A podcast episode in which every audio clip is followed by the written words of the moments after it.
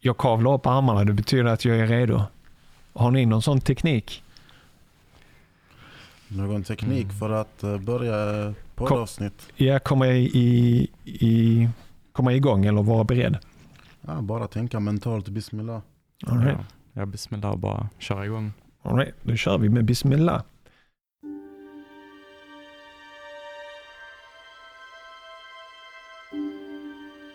Morgon i Jenin är en berörande och gripande roman som skildrar de mänskliga aspekterna av ockupationen i Palestina.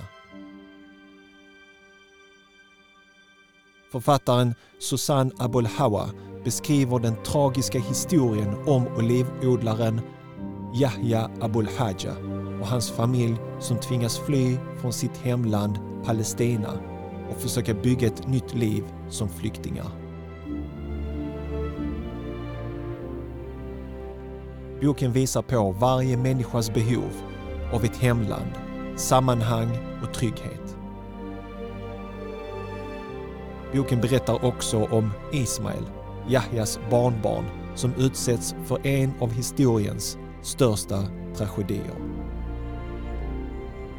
Salamu alaikum och hjärtligt välkommen till Koranpodden.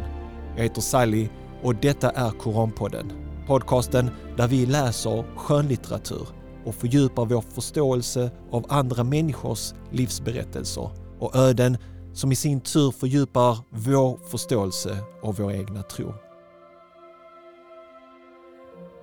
Tillsammans med Jonas och Martin satte vi oss ner för att diskutera Susan Abulhawas bok Morgon i Jenin. Susan Abulhawa är en palestinsk-amerikansk författare, föreläsare och aktivist. Hon föddes i Kuwait och växte upp som flykting i ett flyktingläger i Jenin, Palestina. Sedan dess har hon studerat och arbetat för ett antal organisationer och har skrivit flera böcker som skildrar de mänskliga aspekterna av Palestinafrågan. Anita Goldman recenserade boken i Expressen och skrev Susanne Abulhawas berättelse kan med rätta beskrivas som passionerad. Hennes upprördhet över sitt folks lidande är djupt känd och skildrar i alla sina fasansfulla detaljer. Man måste ha ett hjärta av sten för att inte beröras av detta folks utsatthet och ständiga förluster. Men berättelsen är också passionerad i den snävare erotiska bemärkelsen. Slutcitat. Okej, nog med försnack. Här är vårt samtal om Susanne Abul Hawas bok Morgon i Jenin. Njut! Hjärtligt välkomna Martin och eh, Jonas till eh, det här avsnittet där vi ska diskutera Morgon i Jenin. Tack så mycket för att jag får vara här. All right. Eh, Jonas, du hade läst den här boken innan vi hade läst den och du tyckte den var bra. Det stämmer, jag läste den för första gången i gymnasiet och den fångade mig verkligen. Vad var det som gjorde att du valde den här boken i gymnasiet? Jag hade läst hennes andra bok först. Eh, Min mamma hade fått den i present av jobbet. Så läste jag den och det var också en bok som fångade mig väldigt snabbt. Så jag bara, jag måste läsa den andra också. Ja, just Eller det. det är ju den som är den första. Så köpte jag den och läste den och den helt fantastisk verkligen. Ja. Det är, den, det är den här Morgon i Jenin som är hennes första och som blev en stor succé. Om man går in på AD Libris och kollar recensionerna så är det över 100 recensioner och många som har skrivit eh, bra kommentarer och så. Um, så och, och det här är ju fortsättning i vår podd här och att liksom gå igenom böcker och recensera böcker för vi vill öka läslusten i, i landet. Den är på nedgång om man kollar i olika statistik och så. Det är den definitivt. Vad tycker du om det Martin? Om att folk läser mindre böcker. Ja, Oj, det ska vi nog inte börja prata om. Men då, då kommer det alla, alla mina rants. just det. Ja. Så det är bättre att vara positiv och läsa böcker och prata om dem och förhoppningsvis inspirera andra att plocka upp den här boken av Susanne Abul Hawa, Morgon i Jenin. Martin, dina spontana intryck av boken? Eh, Att det är en bok som eh, kan tilltala alla olika åldrar. Mm. Att den är lättläst. Eh, jag tror att många i tonåren skulle tycka om den. Liksom den berör olika ämnen som till exempel kärlek och liksom, eh, relationen till föräldrarna, livet. Eh, ja, olika sådana saker. Precis, och jag, jag tycker också boken är så om, alltså, den är så bred i sitt perspektiv. Det är relationen mellan barn och föräldrar, eh, att förlora eller liksom kärleken till jorden, till sitt hemland, eh, till generationer och sen att, att behöva lämna detta mm. eh, och bli flykting eh, och försöka överleva i det här. Så det, det är en bok som, som du säger nog där Martin, du har nog rätt i att olika åldrar, bakgrunder kan få ut mycket av den här boken. Och Jag tror också att många med utländsk bakgrund som kanske är andra generationens invandrare eller första generationens invandrare för den delen kan känna att den här boken kan vara liksom en emotionell katarsis. Mm. Att man liksom eh, man får höra liksom en annan story och hur mycket de gick igenom och liksom eh, upptäcka sig själv på det sättet. Och, Jag håller med. Det, um, man får verkligen ett helt annat perspektiv på livet och hur livet kan se ut för andra. Och det får en nog verkligen att öppna ögonen och bli tacksam för det man har eh, idag. Mm. Det är en palestinsk författarinna och boken handlar om Palestina Jenin. Och eh, jag, jag, tror jag läste där i, mot slutet, tror jag hon tackar eller något sånt i den här boken, men hon skrev det där att hon pratade med Edward Said, eller hon hörde Edward Said, den här palestinska intellektuella från, eh, som flydde till, till USA senare hon eh, hade hört honom prata om att det är få liksom, författare som beskriver den palestinska frågan i skönlitterära verk. Det, det är få. Och hon tog den uppgiften och fyllde igen det, den eh, svarta fläcken, eller vita fläcken vad man ska kalla, och gjorde ett fantastiskt arbete. Och jag menar, Palestinafrågan har, det är liksom omöjligt att missa den. Den engagerar oss alla. Men när man har läst den här boken, då får man en helt annan perspektiv och förståelse för Palestinafrågan. Så jag, ty jag tycker att hon har gjort en stor sak för Palestinafrågan. Jag vet Jonas att det här, är lite, det här rör dig lite närmare kanske än, än mig och Martin för att du har dina rötter i Palestina. Vill du berätta lite grann? Att få läsa den här boken, det var väldigt speciellt för mig för det var väldigt mycket som jag kunde relatera till i min egna familjs historia. Många saker jag kände igen, men även många saker jag fick lära känna. Och ja, det här är ju en fråga som har följt med mig hela livet. Och genom hela livets gång så hör man ständigt om saker, eh, om incidenter som äh, inträffar där nere. Och det är inte alltid man, eller det, det är ytterst sällan man får höra palestiniernas perspektiv. Mm. Ofta får de då låta som att det är en konflikt mellan två jämna parter. Men det stämmer ju inte. Så i denna boken får man verkligen se från pa palestiniernas perspektiv. Mm, precis. Uh, Martin, även om man inte är palestinier och har palestinska rötter, kan, kan tilltala den här boken ändå? Absolut. Alltså, även om man har polska rötter som mig så mm. Alltså vi polacker vi brinner ju för rättvisa och självständighet. Och vi har också varit ockuperade så vi lider också med palestinierna. Och vi har erkänt Palestina, alhamdulillah. Så mm. Det var på 80-talet tror jag. Så, ja. Mm. så det är definitivt en uh, bok man kan relatera till. Uh, och Sen så tänker jag också uh, Israel. Alltså, det är ett av de sista eh, kolonialmakterna. Eller vad ska man säga? Eh, koloniala projekten mm. som har eh, eh, gjorts utav väst. Och det är många som inte tänker på det. Jo, eh, jag känner igen det. För när jag läste den här boken och jag visste att vi skulle köra en inspelning så, så strök jag under och eh, så. Och jag har sammanfattat mina anteckningar här så att jag kommer läsa lite delar av den här boken. Och det är flera citat som handlar om det här koloniala projektet som Israel är. Eh, Eh, palestinierna bodde där och sen helt plötsligt kommer de här människorna att ta över landet och helt plötsligt så är man en främling i, sin, i sitt eget land. Och hon fångar det på ett väldigt fantastiskt sätt på flera sidor i boken. Mm. Um, jag tänkte ta ett här på, på sidan uh, 39 40. Hon skriver så här. Ja, men jag tror att de tänker låta araberna stanna det, det, är en av karaktärerna här i boken. Han har en israelisk eh, vän som heter Ari. Eh, och han säger till sin arabiska vän, ja, men jag, jag tror de tänker låta araberna stanna. Nu, nu är det 1948, Israel bildas, och man ockuperar olika områden och, och det är många som flyr. Eh, men då, då, då spekulerar Ari att ja, men han, de tänker nog låta araberna stanna. Orden slank ut innan Ari han hejda dem. Och då svarar Hassan, så de här invandrarna tänker låta mig stanna i mitt eget land. Hassan höjde rösten så. Det är ett märkligt perspektiv. Du är född i ditt eget land i generationer. Helt plötsligt kommer människor från Europa och Nordamerika och tar över ditt land. Och helt plötsligt Ja, så spekulerar den här vännen då, ja men de säger att araberna ska få lov att stanna. Vadå få lov att stanna? Jag i generationer har mina rötter här. Det är ett av de där citaten som, som, som eh, eh fick mig att stanna upp och tänka. Och det fortsätter här även så här. Eh, eh, eh, jag tror, se vem det är som säger de här orden. Eh, jag bara läser. Just det Ari. Det som Europa gjorde, inte araberna. Han tänker på det här med den här förintelsen av eh, judarna. Judarna har alltid bott här. Det är därför det har kommit hit så många fler nu, inte sant? Men vi trodde att det helt enkelt sökte en tillflyktsort.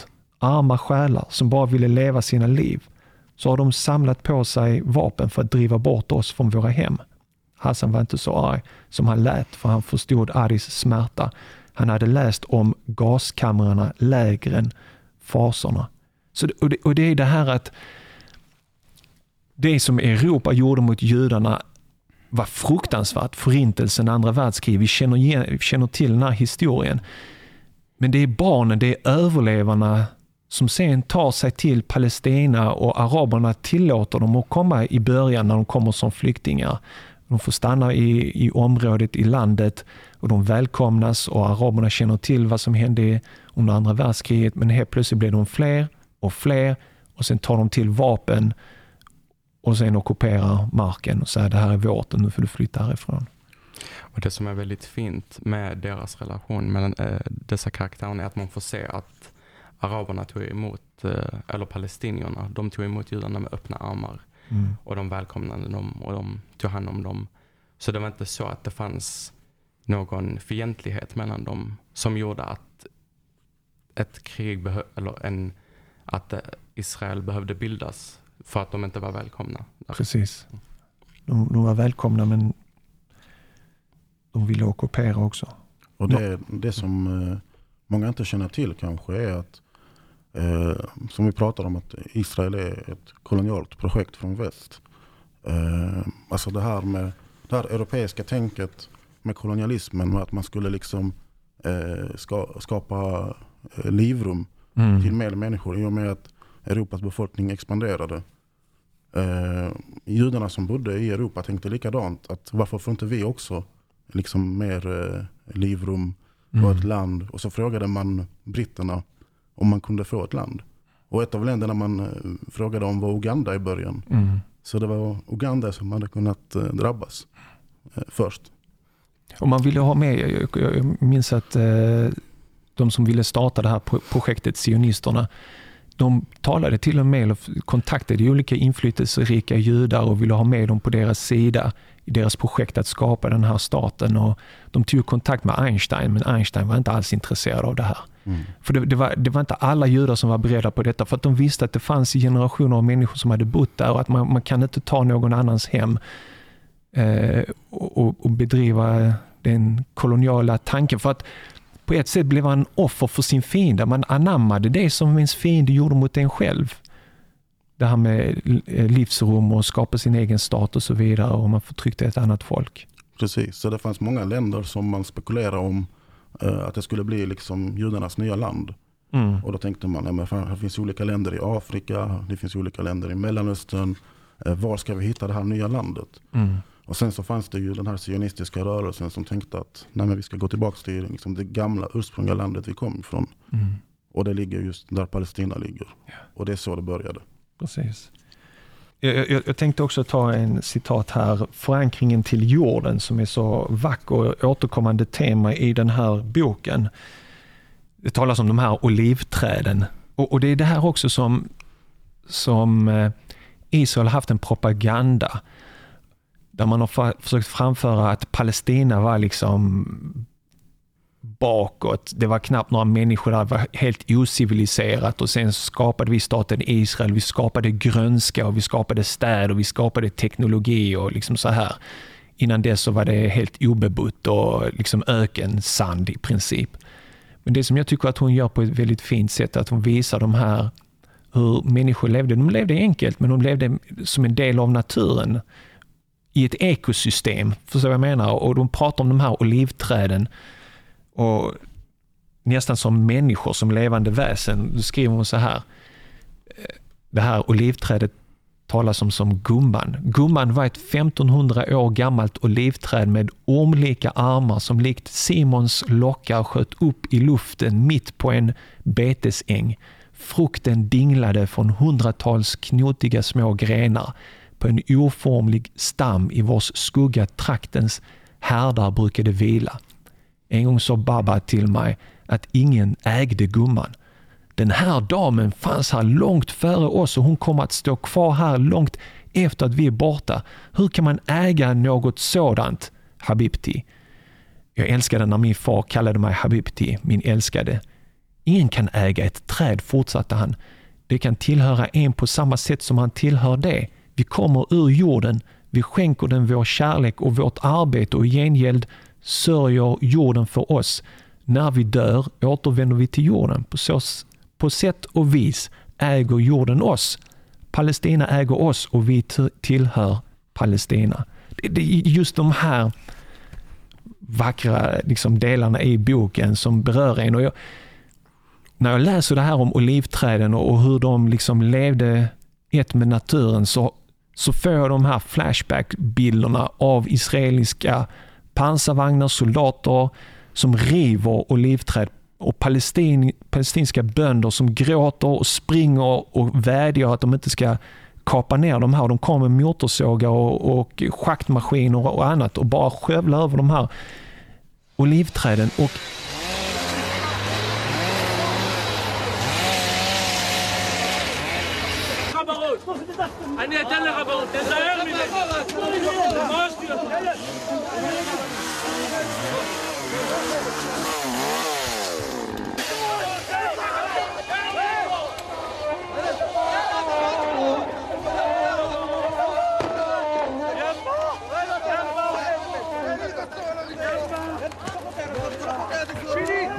tidigare, jag kunde förstå smärtan tidigare, men när man läser det här och vad de har för relation till de här olivträden, vad det betyder, så kan man förstå den otroliga smärta som, som måste vara att se det här.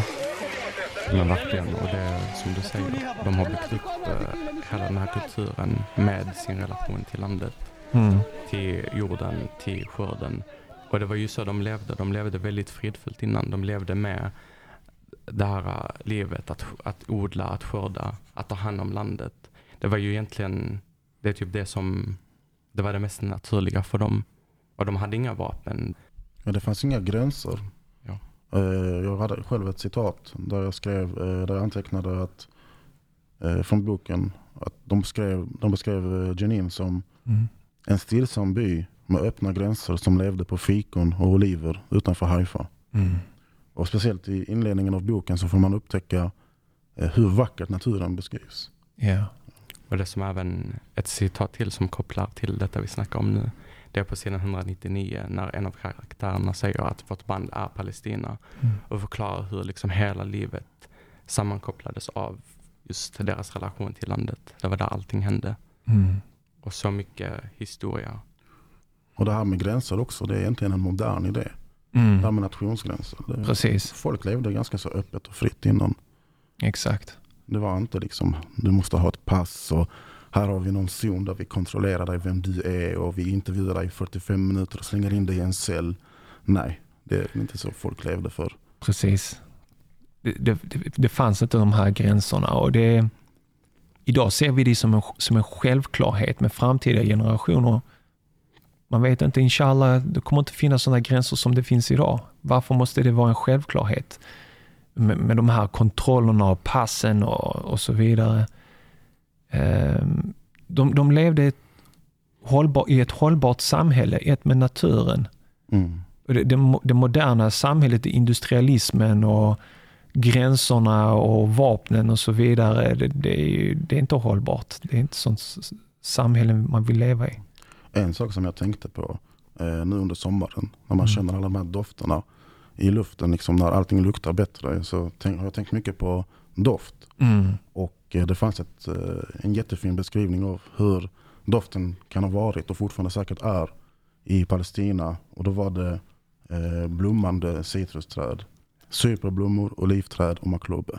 Ja, just det. Så det är en underbar kombination. ja. Makluba är den här traditionella rätten där man vänder, man fyller en kastrull med olika lager va? Ja, ja precis. och sen vänder man upp och ner och det är det som är makluba, upp, upp och ner. Ja, det är det som namnet betyder också. Mm. Upp och ner på arabiska. Upp och ner. Mamma, jag vill ha upp och ner. Då Mm. förstår de vad det betyder. Ja, Du nämnde det där med att, att eh, Palestina välkomnade de judar som lämnade och flydde från förtrycket i Europa. Det finns på sidan 65 en av kvinnorna som, när de fördrivs, hon skriver så här. De där fördömda människorna, ropade en kvinna i, i folksamlingen. De hade inte behövt sparka ut oss från våra hem. Vi lät så många av dem slå sig ner på vår mark och vi gav dem oliver från vår skörd. Alla suckade och kvinnorna mumlade förbannelser och männen skakade på huvudet i avsmak. Så tidigt i början när, när många judar lämnade och utvandrade till Palestina så, så var det inga problem. De levde sida vid sida. Men sen helt plötsligt bestämde man att nu ska man ta över med vapenmakt. Och det behövdes inte. Man hade ändå välkomnat dem. Det är det som är så sorgligt i den här historien. faktiskt. Det ligger i palestiniernas kultur att vara gästvänliga, att ha sina armar öppna för de behövande. Så, Men så- En viktig sak som man kanske också behöver tänka på är att eh, den här eh, antisemitismen som fanns i Europa, den spreds ju också senare till eh, Mellanöstern och till till exempel Nordafrika. Där det mm. bodde jättemånga eh, judar i, så olika länder, till exempel Tunisien, Marocko och så vidare. Och jag vet inte om det var eh, efter liksom att allt med Israel hade hänt eller om det var innan. Men den judiska minoriteten förtrycktes förr eller senare till slut i de länderna Mm. och fick eh, fly till Israel. Så det fanns ju också den här aspekten med att det fanns en antisemitism i Nordafrika som också Mm. ledde till att fler och fler eh, invandrade till Israel. Det blev en sån negativ spiral du vet, som bara förvärrade situationen. Det behövde aldrig bli så, men det blev så. Ja. Och det är likadant, eh, jag, jag brukar tänka att andra världskriget och förintelsen, att det är liksom den största orsaken till att allt det som hände i Palestina sen Mm. hände.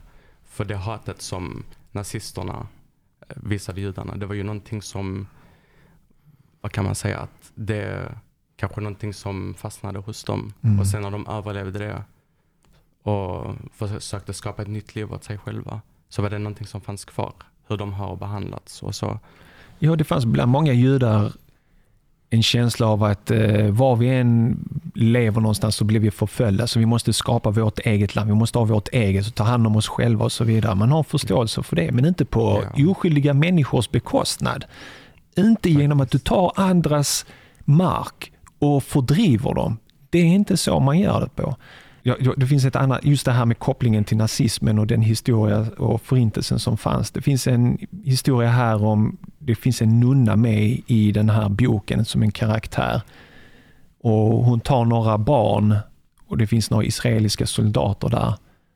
Den här nunnan, hon är hon jobbar i, jag tror det är i Jerusalem eller någonstans där. Ja, ja precis. Det är det här barnhemmet Precis. på skolan i Jerusalem. Det står så här, du får inte ta barnen dit, sa soldaten på grötig bruten arabiska. Varför inte? Svarar eh, soldaten, journalister. Du är rädd, säger nunnan, du är rädd att världen ska få se vad ni gör med barn. Håll tyst, jag kan skjuta dig här om du vill, sa han varnande och höjde geväret.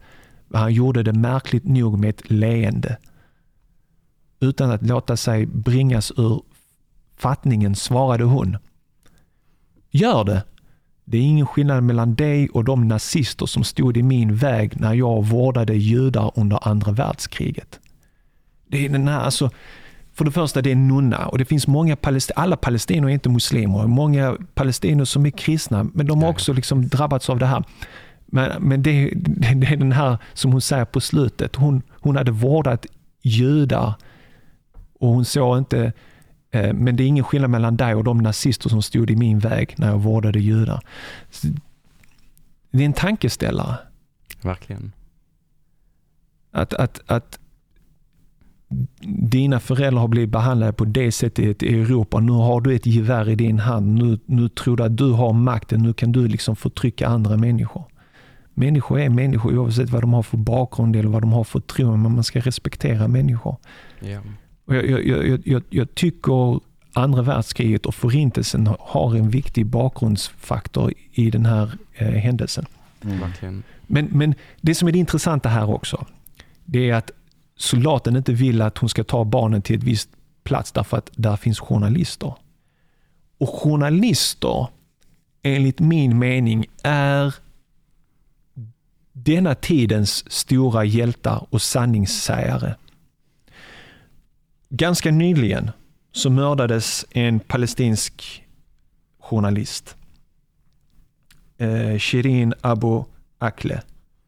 Född 1971 mördades 2022, 11 maj, när hon befann sig i ett flyktingläger i Jenin. Och eh, Det var en uppståndelse där som skedde och så, och så sköts hon. Och det, Israel gick, Israels försvarsmakt gick ganska tidigt ut och sa att det är palestinier som själva har skjutit henne. Och det här är ett sånt återkommande tema. För att FN gjorde undersökningar och FN gick ut och sa att det här är visar sig att det här är israeler och nu visas fler och fler källor och fakta att det är israeler, krypskytte som sköt henne. Hon hade press på sig, tydligt markerat att hon är journalist. Svenska Journalistförbundet har gått ut och vill att Israel ska eh, anklaga Israel för krigsbrott. Att Israel ska ställas inför krigsbrott. Därför att sedan 2000, år 2000, har 46 palestinska journalister mördats och man har inte utrett det ordentligt. Istället skyller man på palestinier själva. Och det är så, i mina ögon, noll moral, noll etik att du begår övergrepp, skjuter och mördar ett folks journalister och sen anklagar dem för att göra, begå det brottet som du själv begår. Alltså det är Helt galet. Och Helt galet. Och Sally och sen så kallar högern Israel för Mellanösterns enda riktiga demokrati. Ja. Och de säger att israeliska armén är den mest moraliska i världen. Det är liksom 46 journalister på 20 år som har mördat och det är liksom, man, man punktmarkerar för att hon var liksom punktmarkerad. Men hur funkar yttrandefriheten om man mördar journalister i en demokrati? Mm. Och det, och det är det som är problemet med diktaturer. Diktaturer tycker inte om journalister. Demokratier försvarar journalister. Och det är det här som är så typiskt. Liksom, för att Ta Nordkorea som är en diktatur. Inga, inga journalister får jobba fritt. Liksom. Mm. Ta andra, många muslimska nationer är diktaturer. Journalister får inte jobba fritt. Mm. Och därför, är det, därför ser jag dagens journalister som jobbar i de här områdena Eh, och hon var en älskad journalist av många palestinier. Jag såg hennes begravning faktiskt. Jag blev rörd. Jag hade svårt att hålla tårarna tillbaka.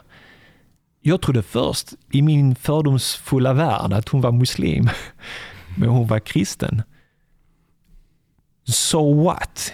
Liksom hon är hjälte i mina ögon, en frihetskämpe och det är det här som är så tråkigt, att det finns vissa politiska krafter som försöker, liksom, som pratar om den judar och kristna mot muslimer eller någonting sånt. Utan det är palestinier, en, minori, en minoritet där det ingår kristna och muslimer som är förtryckta och fördrivna och inte har sina rättigheter. Men man försöker göra det till en religiös grej. Verkligen, och det har egentligen aldrig handlat om religion. Mm. Det är verkligen förtryckare mot de förtryckta. Precis. Och det som är så himla fint det du snackar om nu är att innan Israel bildades så levde ju kristna judar och, och muslimer sida mm. vid sida. Och även idag kan man se det om man åker till exempel till Betlehem så bor eh, muslimer och kristna sida vid sida. I samma torg, i ett torg så finns det liksom en moské och en kyrka tvärs över varandra. Man ser inte vem som är muslim eller vem som är kristna.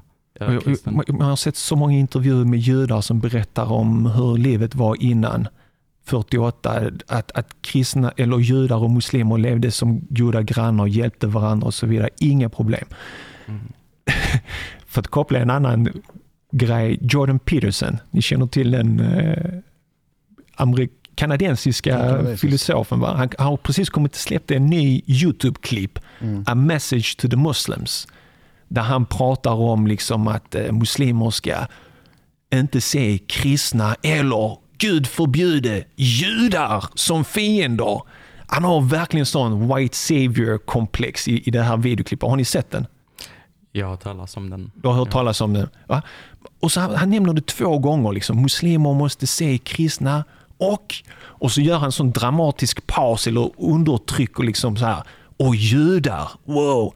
And then maybe reach out tentatively to a Christian or even, heaven forbid, a Jew. Because perhaps it is time for those who purport to be followers of God to act like it. Precis som vi har några problem med judar. Förstår du vad jag menar? Vi har problem med en ockupation. Jag, jag har inga problem. Jag har jättemycket gemensamt med en jude. Med. Massor med, med, med, profeter som vi respekterar till sam, samma. Vi har värderingar, vi har så mycket tro gemensamt. Jag har inte några problem med det. Jag har problem med att, att människor ockuperar och förtrycker någon annan. Det spelar ingen roll vad de har för religion. Ja, ja precis. Um. Orättvisan. Och det som är så himla... Um, det som, som palestinier. Mm. Och den största fördomen man möter är ofta att eh, man får frågan, hatar du judar? Yeah. Det är nog den, den frågan jag fått mest när folk får reda på att jag är palestinier. Uh. Och det är inte det som är grejen. Vi har absolut inte det är som du säger, vi har så mycket gemensamt med judar. Det är mm. inte religionen som är problemet, utan det är liksom förtryckarna, den här liksom rasistiska ideologin. Sen judarna i sig, absolut inte. Vi är typ som kusiner. Ja, precis. Mm. Alltså, arab, alltså språket så mycket gemensamt. Det är som du säger, kusiner. Det går ända tillbaka till Abraham, där det delar sig mellan Ismael och Isak. Yeah. Martin, du ville säga något? Ja, jag tänkte på det här med att man säger att eh, det inte finns problem med judar eh, bland muslimerna. Alltså, vi är nog den gruppen i världen just nu där det är högst antisemitism. Mm. Eh, så jag håller nog inte med om det där alls. Mm. Och jag har hört så mycket antisemitism. Både liksom i moskéer, eh, bland liksom, eh, vänner, bekanta och så vidare. På politiska diskussioner. Att det är sjukt. Mm. Eh, jag minns till exempel, jag pratade med en eh, palestinier om Palestinafrågan. Och jag sa liksom att ja, men jag stödjer Palestina, men vad kommer vi göra med judarna som mm. bor där nu? Hur ska vi lösa det? Så sa han, eh, kasta dem i Medelhavet och dränk mm. dem. Mm. Nej, alltså när jag, säger, när jag säger det så talar jag utifrån mig själv. Och, och de muslimer som har förstått poängen, hänger du med? Mm. Men absolut, vi ska nog inte vad heter det, inte menar på att det inte finns antisemitism. Det finns grov antisemitism bland muslimer också. Det, mm. det, det är viktigt att lyfta. Och jag har själv upplevt den fastän mm. jag inte är jude. Right. Utan på, när jag växte upp uh. så fick folk höra att jag var från Polen. Och då mm. var det jättemånga som hade vuxit upp med att tänka att liksom, det, judar kommer från Polen. Mm. I och med att ja, till exempel många från Mellanöstern har liksom förknippat med ut, eh, invandring från Östeuropa med judar. Så när de hörde att jag var från Polen så fick jag stryk på gården mm. av olika liksom, eh, araber och så vidare. Helt crazy. Ja. Så det finns definitivt Ja, absolut. Yeah. Och man kan inte heller kalla det för liksom en reaktion mot ockupation eller något sånt. För mm. vad, vad har liksom någon i Sverige med det att göra på det mm. sättet? Mm. Just det där med att eh, vad ska vi göra med judarna, slänga ut dem i Medelhavet. Det är också en sån sak som man får höra oftast på, på tv. Liksom. Ja, men vi kan inte ge palestinierna deras eget land för att om de får ett land så kommer de slänga ut dem i, i Medelhavet. Och mycket av nazistisk propaganda har importerats in bland vissa nationalistiska rörelser i Mellanöstern. Så det ska man, alltså, mm. Att säga att det inte finns antisemitism bland muslimer det är som att säga att det inte finns islamofobi bland kristna. Mm. Nej, nej, det är absolut. Ja. Ja, alltså vår religion lär någonting helt annat. Men vi mm. måste också se på hur det ser ut i verkligheten, mm. i praktiken. För det, det, problemet är alltså, vet, när, man, när, man ska, när man har en fiende som, som begår övergrepp så är det lätt att man kan anamma den fiendens tankevärld och göra den till sin egen.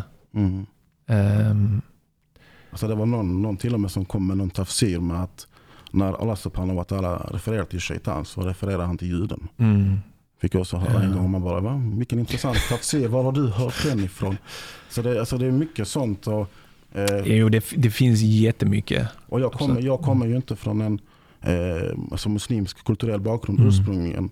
Så jag har det här andra perspektivet också som jag kan komma med. Mm, Eh, som kanske ni inte hört lika ofta. mm, Och jag liksom kommer med polskt eh, efternamn och så var det många som kunde associera mig med kanske han är ashkenazi-jude från Östeuropa. Nej, jag växte upp liksom som eh, katolik. ja, Vanlig enligt etnisk polsk. mm, Men jag fick uppleva sånt.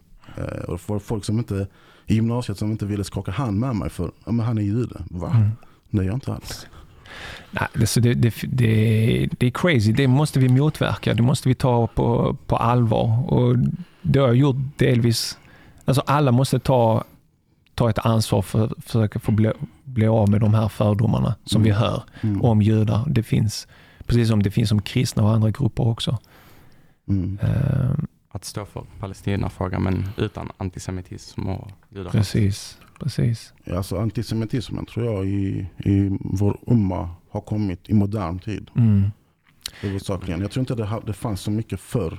Men det, det, det, är samma sak, det är samma sak som till exempel ta eh, tidigare på 80-90-talet fanns det en radiokanal som hette Radio Islam i Sverige. Det var mycket rabalder om den och han, han var en sån här förintelseförnekare och samarbetade med nazister och sån här grejer. Han kallade sin radio för Radio Islam, liksom. han var muslim själv.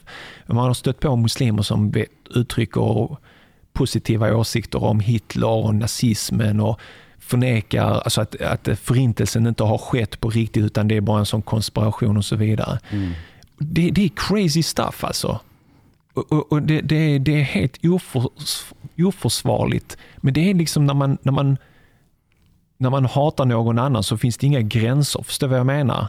Att man bara eh, förnekar förintelsen och man Jaha, vem är judarnas värsta fiende? Det är nazisterna. Ja, därför är nazisterna mina allierade eller mina vänner. Jag ska försvara nazisterna. Förstår du vad jag menar?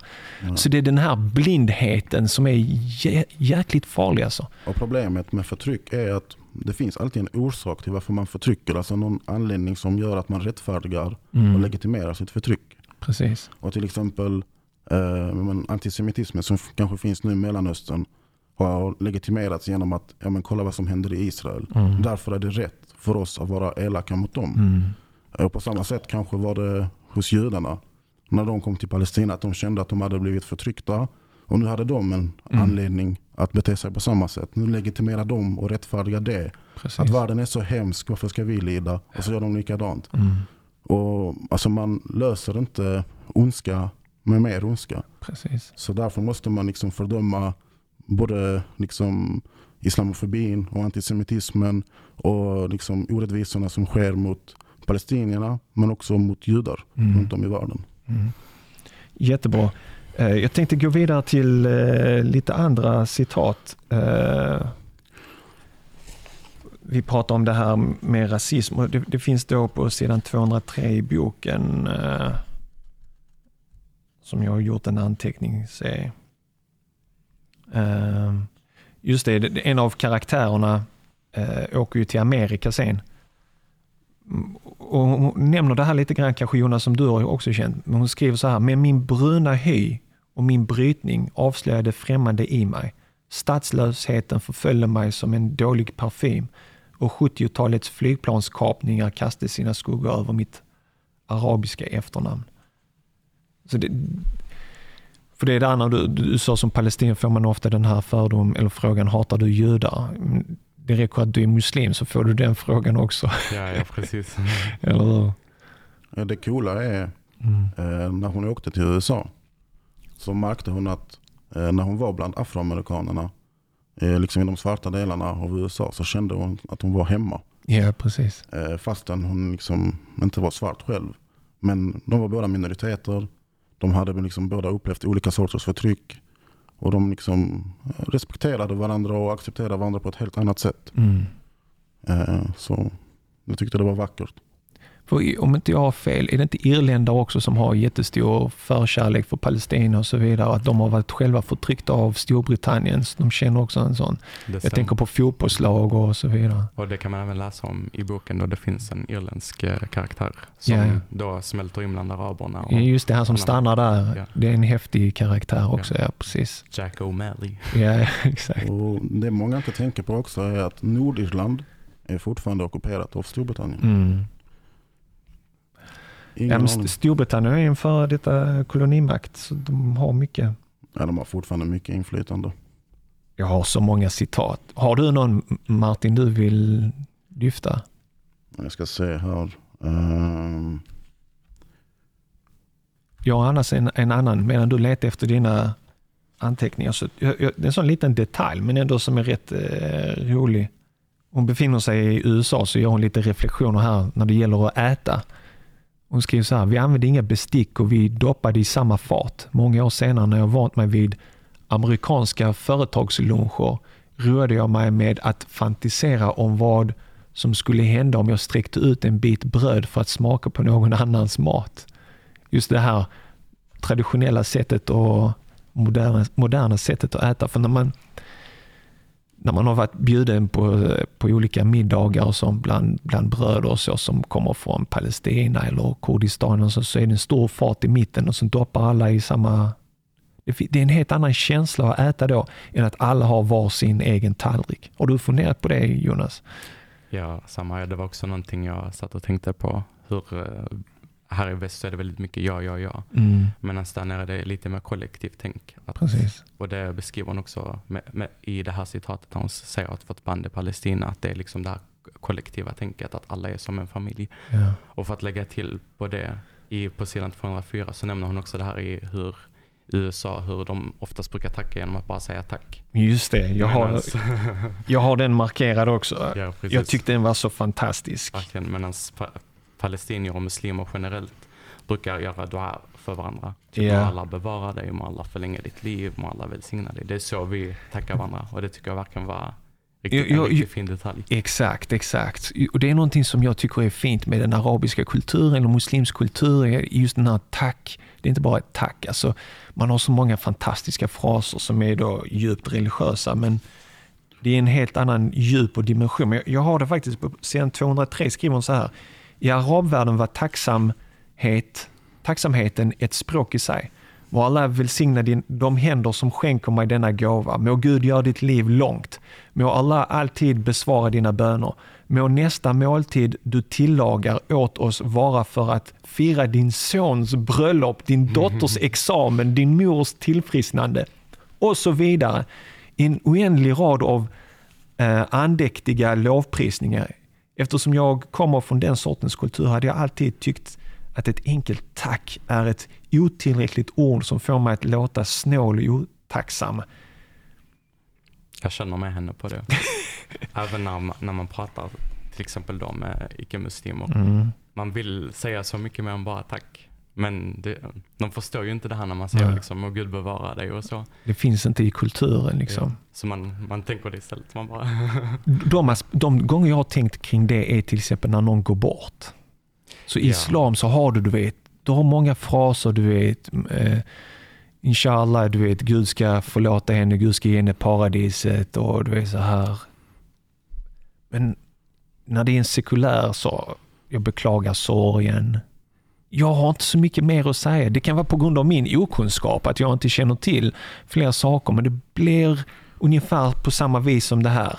Ett tack istället för alla de här Ja. fantastiska fraserna. Ja, Martin. Alltså jag kan säga som konvertit att jag blev väldigt fascinerad och imponerad eh, hur ofta man fick höra vackra komplimanger från sina syskon. Mm. Liksom att är så här, liksom, mashallah så vacker du är, du lyser och sånt. Och man bara what? Why?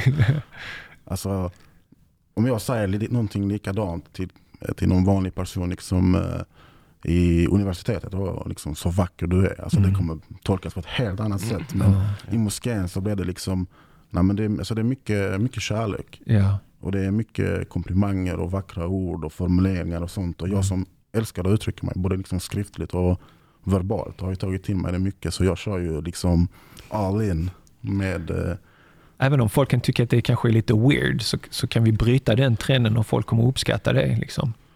Ja, men det, det, Mm. det hjälper människor också i sin personliga utveckling. Att, att man får liksom eh, positiv energi i form av vackra ord och böner och så vidare. Mm. Eh, För, för det, det finns ju den här ena aspekten är ju det här förtrycket, eh, att de fördrivs från sitt land av främlingar. Eh, Men det är en annan aspekt av den här boken som jag uppskattar är också hur den visar hur tron och islam är en naturlig del hos palestinierna. Det är inte någonting krystat. Här kan det vara så, är du praktiserande muslim, är du inte praktiserande muslim och så vidare. Utan där är liksom tron är som eh, modersmjölken eller som vatten man dricker. Alla talar så, alla är på det, på ett sätt. det är integrerat in, i, liksom i livet, i Ja. kulturen. Precis. Du vill säga det där nå- någonting kanske Jonas? Eller? Nej, jag instämmer att det är väldigt vackert där mashallah. För jag, jag har ju vissa eh, citat här som jag skulle vilja ta.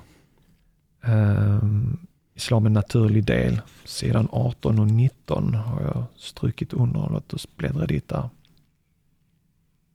Eh, jo, det, det är ju Koranpodden så vi måste ju prata om Koranen. Det finns faktiskt ett citat om Koranen här också. Eh, där säger Yahya, han säger så här.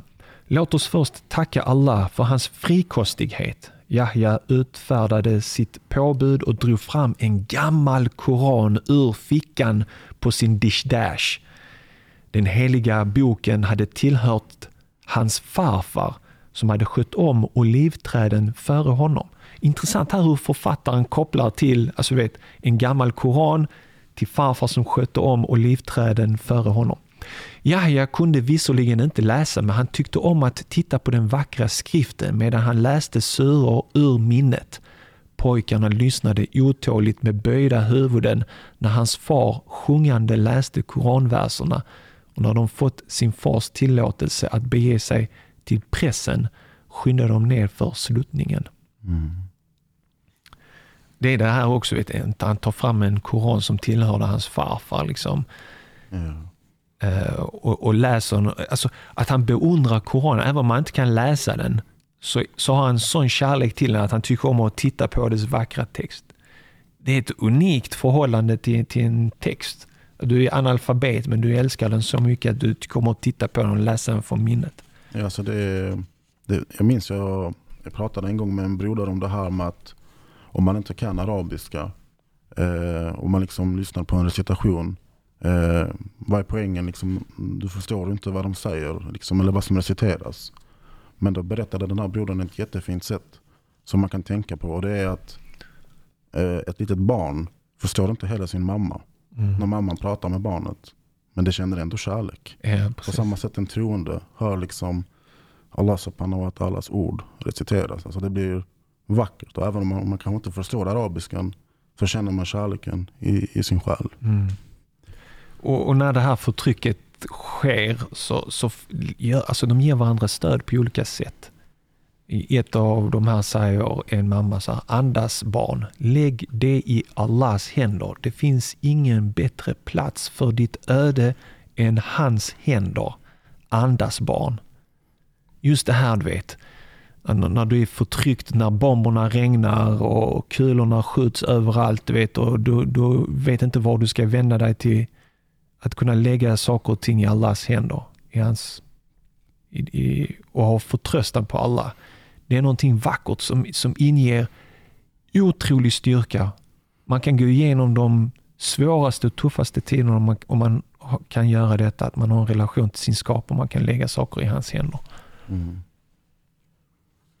Um, några andra citat? Har du någonting där Martin? Eller?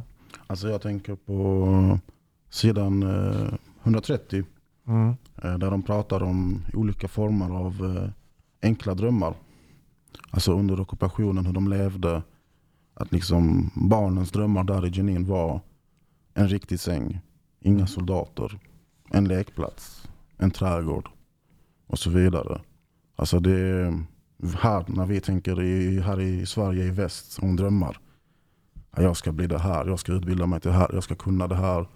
Dit ska jag resa, det här ska jag uppleva, det här vill jag uppnå innan jag är 40. Just det. Och här har vi liksom ungar. Vad är deras Ja. drömmar? Det är inte bli att bli rappare eller fotbollsspelare eller bli liksom något annat utan en säng, inga Ja. soldater.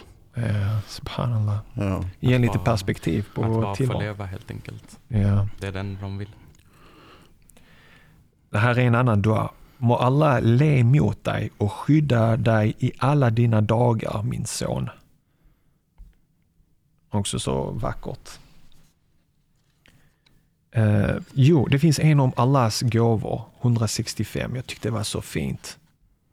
Wow, det, det här är kraftfullt. Eh, är ni beredda? Hör på den här. Jag vet inte vilken karaktär det är, men det är på sidan 165 i boken. Det står så här. Alla föds vi med de största rikedomar vi kommer att få i livet. Tänk, tänk bara på det. Alla föds vi med de största rikedomar vi kommer att få i livet. Det är djupt.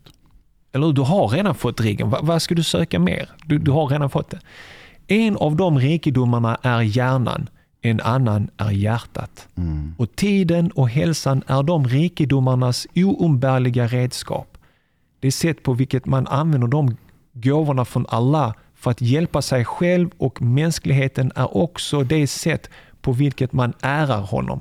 Så Allah har gett dig ett hjärta, han har gett dig en hjärna. Genom att använda de här gåvorna för att hjälpa dig själv och hjälpa mäns- mänskligheten. Det är så du ärar Gud. Mm.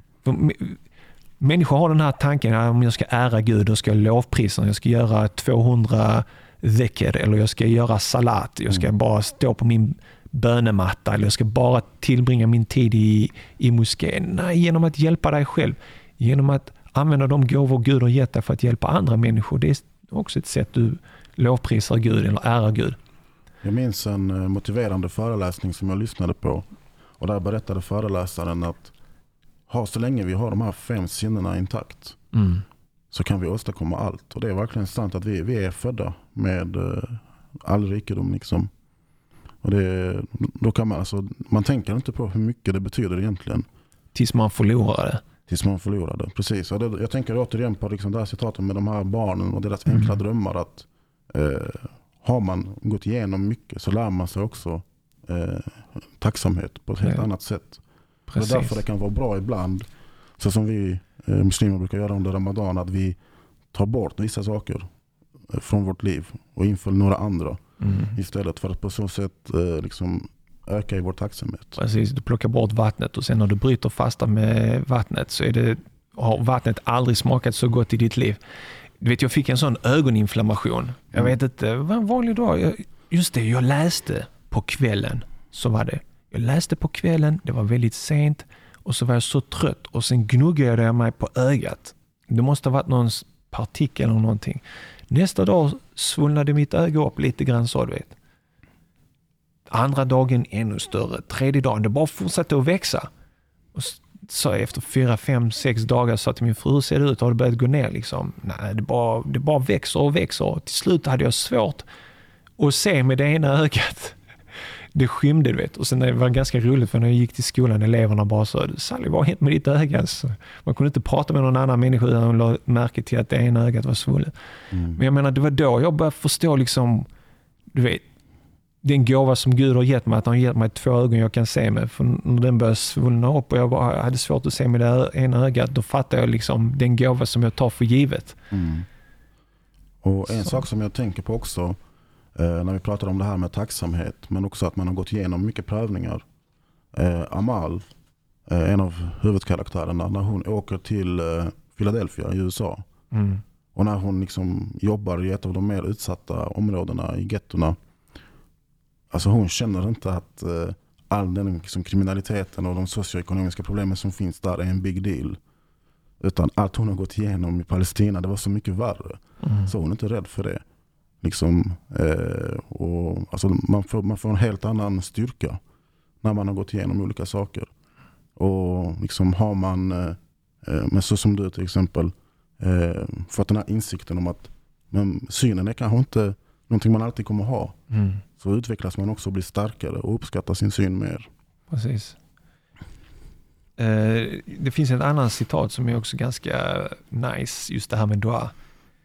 Eh, det är egentligen en dans hon, hon talar om det här när de ger varandra komplimanger eller gör dua för varandra, att det är som en form av dans. När jag gick igenom metalldetektorerna hörde jag hur en man vid ett skrivbord erbjöds te. Han sa Välsigna dina händer till den som kommit med erbjudandet, som i sin tur svarade och dina händer, och må Allah för alltid vara dig nådig. Rop och svar som dansar genom luften. Hon har den här poetiska sättet att skriva som, som jag verkligen uppskattar. Verkligen. Eh, när man läser alla de här dua, då tänker man, jag är nog ganska torr. Jag gör dua, men hur många gånger gör jag dua för, no för någon som gör någonting väl för mig? Och hur kreativ är jag i min dua? Så jag menar. Yeah. men man märker det liksom, i turkisk kultur finns det också den här som, som man saknar i det svenska språket. Yes, jag, har, jag, har, jag kan hålla på hur länge som helst här. Hon, hon citerar en, eh, en dikt av eh, Khalil eh, Gibran. Khalil Gibran, en libanesisk poet. Känner du igen den dikten hon citerar ja. i den här? Jag läste den nog första gången i boken, men jag känner igen, jag kände igen namnet sen tidigare. Poeten. Han har ju skrivit en bok som heter Profeten. Jaha. Som är mm. jättepopulär, finns ja. överallt. Jag har alltid tänkt så här, vad menar med profeten och så. Men jag har inte läst det, men, men hon citerar en av de här dikterna här. Jag kan citera bara ett stycke. Era barn är inte era barn. De är söner och döttrar till livets längtan efter sig själv. De kommer genom er, men inte från er. Och fastän de finns hos er tillhör de er ändå inte. Och sen fortsätta. Jättevackert för att man som förälder ibland behandlar man sina barn som ens ägodelar och man vill forma dem att de ska vara som en själv och så vidare. Men de är inte våra. Det var det också Muhammad Ali sa också i något sånt känt citat, liksom att vi äger inte våra barn, de, de har sina egna liv, de kommer fatta sina egna beslut. Ibland är det beslut som man tycker är bra och ibland kommer de fatta beslut som inte överensstämmer med ens egna värderingar och så, men i slutändan så måste de staka ut sin egen väg och ha en viss respekt för det. Jag tror jag att den här dikten hjälper till i, i det. Verkligen, och även bokens handlingar för något som är så fint med den är att man får följa olika generationer. Yeah. Vilka konflikter och utmaningar de möter i varje tid. Från liksom innan, från 40-talet ända fram till 2002 tror jag det sträcker sig i mm. boken. Och det är verkligen en av sakerna som gör den så fin att det är så flytande. Um. Jag, jag älskar också det generationsperspektivet. Um kärleken som kommer i de olika skeendena i olika generationer. Det, det är vackert att läsa och se. Jag minns också en sak i, i boken där man pratar om att eh, alltså man pratar om hur eh, palestinierna älskar eller hur eh, liksom människor i Mellanöstern älskar jämfört med, med hur människor älskar i väst. Alltså att människor som eh, till exempel palestinierna som gått igenom mycket förtryck. Att kärleken de har till varandra den är så mycket djupare och intensivare mm. än den här ytliga kärleken liksom i datinglivet i USA. där man, yeah. liksom, man kan bo med varandra i 40 år utan att verkligen yeah. ha odlat den här riktiga kärleken. Mm. Men alltså, om, du vet, om du inte vet ifall du lever imorgon, alltså på riktigt, alltså, mm. alltså, du, du lever konstant med, med bomber och raketer och, och hot om, om att liksom förlora dina älskade. Då älskar du dina närmsta på ett sätt som inte många i väst kan föreställa sig. Mm. Eller ja, det finns ju också länder kanske i väst som upplevt förtryck. Men eh, alltså, bara den här grejen liksom att eh, det finns skillnader, det finns kontraster om man har gått igenom mycket. Mm. När det kommer till kärlek, passion mm. och uppskattning. Ja, vi kan hålla på i all evighet här. Jag tycker det är en fantastisk bok. Jag, jag uppmanar lyssnarna att läsa den här boken. Ehm, jag har ett sista citat som jag tänkte ta. Och Det handlar inte om de islamiska aspekterna eller förtrycket, utan det har med kunskap att göra. Och då är det Baba sa, marken och allt på den kan tas ifrån oss, men ingen kan ta ifrån dig din kunskap och de examina du tagit. För att här i boken talas det om kunskap och där är en pappa som säger att du behöver inte ha kunskapen och sen ångrar han sig och så vidare.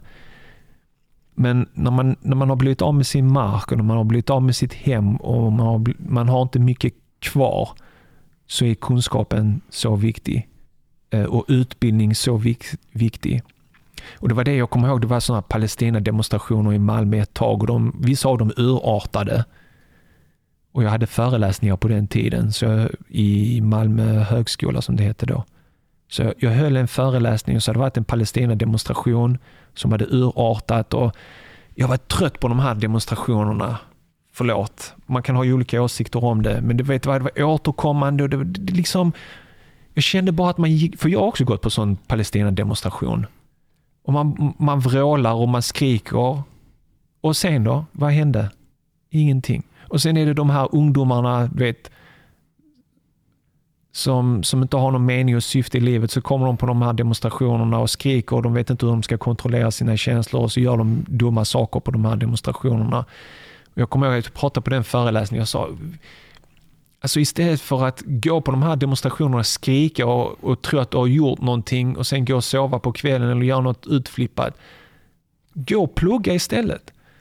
Skaffa dig en bra utbildning, skaffa dig en bra du vet så här, mm karriär, yrke så att du kan hjälpa Palestina på riktigt. Inte genom att gapa och vifta med en flagga. Jag är inte helt emot demonstrationer, men just då när det var så mycket och det urartade och jag ville lägga det i ett perspektiv, kände jag liksom, am, am, ta vara på skolan. Det är på det sättet du kan hjälpa Palestina. Det finns en berättelse i USA om eh, den här rörelsen Svarta pantrarna. Ja. Eh, som var aktiva 60-70-talet där. Eh, och de, de kämpade ju för eh, afroamerikanernas eh, medborgerliga rättigheter. Och eh, det finns en berättelse om när eh, det kommer en frustrerad ung afroamerikan till en av ledarna för Svarta pantrarna och säger jag vill vara med i rörelsen, ge mig liksom ett gevär eller liksom ett vapen, jag ska vara med och strida. Så sa de, visst absolut, men här får du först en stor bok. Och så la de den i knät på honom. En mm. jättetjock bok liksom med massa kunskap. Där ska du börja om du vill kämpa för rättigheterna. Inte med vapen. Exakt. Och Det var det som också var Malcolm X eh, tanke om Martin Luther King och den svarta medborgarrättsrörelsen i USA också. De satte vikt vid kunskap. För att frigörelsen börjar här uppe i huvudet. Och är man inte mentalt frigjord så spelar det ingen roll. Det, det, var där jag pratade om det här med utbildning. Mm. Jag hade också ett sista citat som mm. jag tyckte var jättevackert. Och som på något sätt sammanfattar kanske en framtidsvision eh, för eh, hur det kan bli mm. i Palestina. Och det lyder på sidan 254.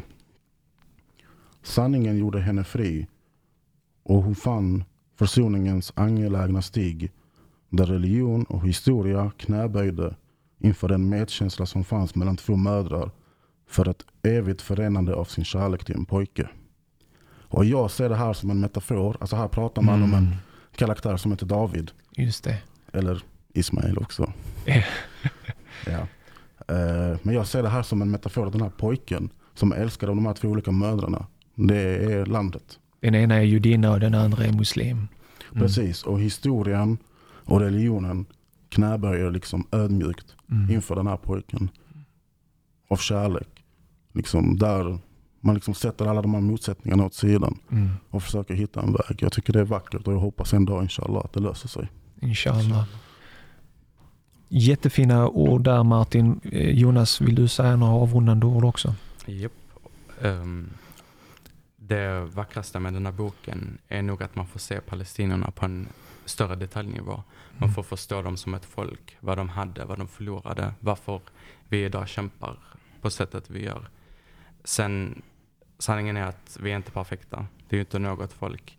Men det fina med den här boken är att man får se den mänskliga sidan av palestinierna mm. på ett sätt man inte alltid får göra i media och i andra litterära verk. Och mm, därför rekommenderar jag den här boken väldigt mycket. Och även hennes andra bok. Den heter något i stil med Allt blå mellan himmel och hav. Jag kan lägga en länk i show notes, eh, anteckningar till det, till det här poddavsnittet. Mm. Jag vill tacka er båda två för era perspektiv och det är alltid så intressant att läsa en bok tillsammans med andra, eller hur? Man, man, har, man lyfter fram olika aspekter och det blir ett helt annat djup eh, och man får ut så mycket mer av boken om man bara hade läst den själv och tänkt på den själv. Så jag uppskattar verkligen era reflektioner och tankar. Det här är en väldigt, väldigt bra bok eh, som jag starkt rekommenderar. Eh, köp den, låna den på biblioteket, läs den. Eh, ska vi sätta något betyg på vad vi tyckte? Ja, jag, jag tittar på omslaget här för att Magnus Utvik på SVT har gett den fem eh, böcker. fem av fem. Och Amelia har gett den också en fem av fem. Så absolut, ska vi sätta ett eh, betyg 1 till 5? Ska vi skapa en sån tradition här? Men vad ska vi ge då? Om de här ger fyra klaffar eller jag har en humoristisk sida. Jag tänker så här fem, en falafel eller tre, fyra, fem falaflar. Men det, det är kanske lite oseriöst. Eh, Fem eh, koranpodd-mikrofoner. Fem mickar, ja men det är bra. Ja. Mikrofoner. Ja. Eh, Så eh, Martin, vill du börja? Du, du, du har startat en ny fin tradition här. Jag hade sagt eh, fyra av fem. Ja. Jag tycker att man hade kunnat lyft också lite andra perspektiv. Alltså man hade kunnat berätta lite mer till exempel om den judiska familjen. Men jag tycker att boken är alltså väldigt lättläst. Den, eh, alltså den väcker väldigt mycket känslor som får en liksom att tänka kring hela sitt liv. Och den eh, alltså pratar om vanliga människors liv. Den pratar Mm. liksom inte bara om samhälle och politik utan, eh, och liksom krig och elände. Utan den pratar om kärlek, passion, hur, det hur människorna lever. Och i flera generationer Mm. på ett jättevackert sätt. Så eh, fyra av fem mickar. Mik- Härligt. Jag, kanske är väldigt partisk. Men eh, efter att ha läst den här boken två gånger Ja. och fått känna, eh, ha fått liksom upplevelsen två gånger så kan jag inte annat än att ge den högsta betyg. Ja. Så fem mickar. Fem mickar. Och eh, det intressanta är att eh, vi skulle läsa denna, vi hade en sån här datum, vi ska hinna läsa så många sidor och du körde och när du väl kom igång så sträckläste du boken. Det är ett gott betyg i sig. Liksom. Japp. Ehm, ja, jag, jag ger den ju också fem mickar av fem. Jag, eh, jag, jag tycker språket är så vackert. Den är poetisk och just det här det vardagliga ehm, och att det sträcker sig över flera generationer. Jag har inte läst någon annan bok som liknar den här jag- boken. Jag läser mest faktaböcker. Jag har svårt för skönlitterära böcker faktiskt. Men, men den här fångade mitt intresse och eh, jag vill inte göra några spoiler alerts men slutet är också väldigt berörande och nära till tårar om man säger så. Eh, Fin. så en, en bok som, som är unik. Så det totala betyget, jag vet inte om man slår ihop fem och sen fem och sen fyra. Vad blir det? Kanske 4,7? Någonting sånt. 4,8. Det är högt betyg. Det är högt betyg. Ja. Och för att tacka i äkta muslimsk anda. Tack så mycket för att vi fick komma. Må Allah välsigna dig och förlänga ditt liv. Ja, nej, vi, jag ser oss som ett team liksom. eh, Så det är, vi, eh, vi är tillsammans. Vi är, ett, vi är ett team. Vi jobbar tillsammans. Men eh, En stor ära också att få spela in för första gången med Jonas Tarek. Ja, absolut. Allah fick, tack detsamma. Må. Allah välsigna dig. Mina och er båda bröder också. All right, då, då får vi inshallah bestämma vad nästa bok blir. Eh, vi har ju en gäst här också. Jag skulle gärna vilja att, som inte är här idag, S- eh, Salim. Eh, för han har också ett unikt perspektiv på saker och ting. Men det får bli till nästa bok inshallah. Inshallah. All right, det var allt. Vi wrap it up.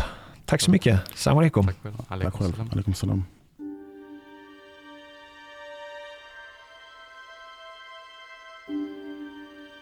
Tack för att du lyssnade på vårt samtal om Susanne Abolhawas bok Morgon i Jenin. Om du fann samtalet om boken lika inspirerande som jag gjorde skulle jag uppskatta om du delade samtalet med andra som är intresserade av skönlitteratur och om Palestina. Skicka ett mejl eller ett sms med direktlänken till samtalet koranpodden.se 236. Vi har fått en ny recension via Apple Podcast. En person med användarnamnet portugisiska ger Koranpodden fem stjärnor av fem och skriver Jag är så glad att vi har hittat Koranpodden. Tack för att du öppnade denna dörr för oss muslimer. Slutcitat. Tack själv portugisiska för din fina recension. Så poetiskt. Att öppna en ny dörr. Detta är vad vi brobyggare måste göra dagligen. Knacka försiktigt på alla stängda dörrar. Ibland vill man nästan sparka in de här stängda dörrarna men att stiga in och presentera oss själva. Koranpodden är mitt sätt att kunna knacka på i folks öron och presentera min tro och mina syskons tro. Har du en iPhone och vill skriva en recension i Apple Podcast surfa in med din iPhone till koranpodden.se betyg. Glöm inte att du kan stötta Koranpodden. På Koranpodden täcker vi alla våra kostnader med hjälp av frivilliga donationer. Vi får inga reklamintäkter eller bidrag. Så bli månadsgivare eller donera en engångssumma via vårt swishnummer som du hittar enkelt på vår hemsida koranpodden.se. Klicka på donera i menyn. Och Gud belönar dig rikligt för ditt stöd. Nästa vecka får du lyssna på Leif Ahmed, den före detta svenska prästen som konverterade till islam. Du får lyssna på hans anförande Mohammed är också min profet. Här kommer ett kort utdrag från det anförandet. Det är lätt att se på honom som vår profet. Ja, han är inte bara vår profet, han är min profet. Tänk det, jag får kalla Muhammed för min profet. Jag får glädja mig över att Muhammed, han är en del av mig. Jag får glädja mig över att Muhammed är en glad profet. Ja, för det var han. Han hade gott humör. Han hade nära till ett leende. Missa definitivt inte nästa veckas avsnitt anförandet av Leif Ahmed, den före detta prästen som idag är muslim. Han håller anförandet Mohammed är också min profet. Följ oss på Facebook och Instagram där du kan följa arbetet med Koranpodden. På vårt Instagram postar vi regelbundet inlägg med inspirerande citat, både ur Koranen men också från våra olika avsnitt. Och vill du komma i kontakt med mig, du har någon fundering eller en fråga eller vill tipsa om någon du vill att jag ska intervjua, då når du mig alltid lättast genom att mejla på hej koranpodden.se. Det återstår bara för mig att önska dig en härlig vecka. Tack för att just du lyssnar på Koranpodden. Vi hörs igen nästa vecka på måndag med ännu ett nytt poddavsnitt. Ta hand om dig tills dess. Salam alaikum wa rahmatullahi wa barakatuhu.